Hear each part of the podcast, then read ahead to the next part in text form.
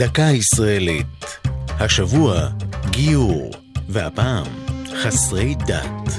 יהודים, מוסלמים, נוצרים, דרוזים ואפילו בהאים. בין שלל הדתות הנהוגות בארץ, קל לשכוח שחיים כאן גם אלפים המוגדרים חסרי דת. על פי נתוני הלשכה המרכזית לסטטיסטיקה, נכון ל-2019 חיים בארץ יותר מ-400 אלף אזרחים כאלה. רובם המכריע עולי ברית המועצות לשעבר. חלקם אפילו מגדירים עצמם כיהודים, אך הרבנות הראשית אינה מכירה ביהדותם. המעמד הזה אינו עניין של הגדרה בלבד. בישראל, בעקבות החוק העות'מאני, רק גופים רשמיים, בעלי סמכות דתית, יכולים לחתן אנשים ולגרשם.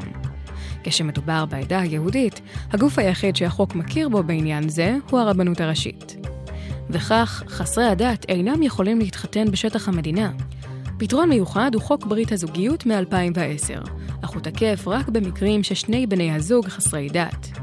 כאשר אחד מבני הזוג הוא חלק מעדה דתית מוכרת בארץ, הזוג נאלץ להתחתן מחוץ לגבולות המדינה, או להסתפק במעמד משפטי הנקרא ידועים בציבור.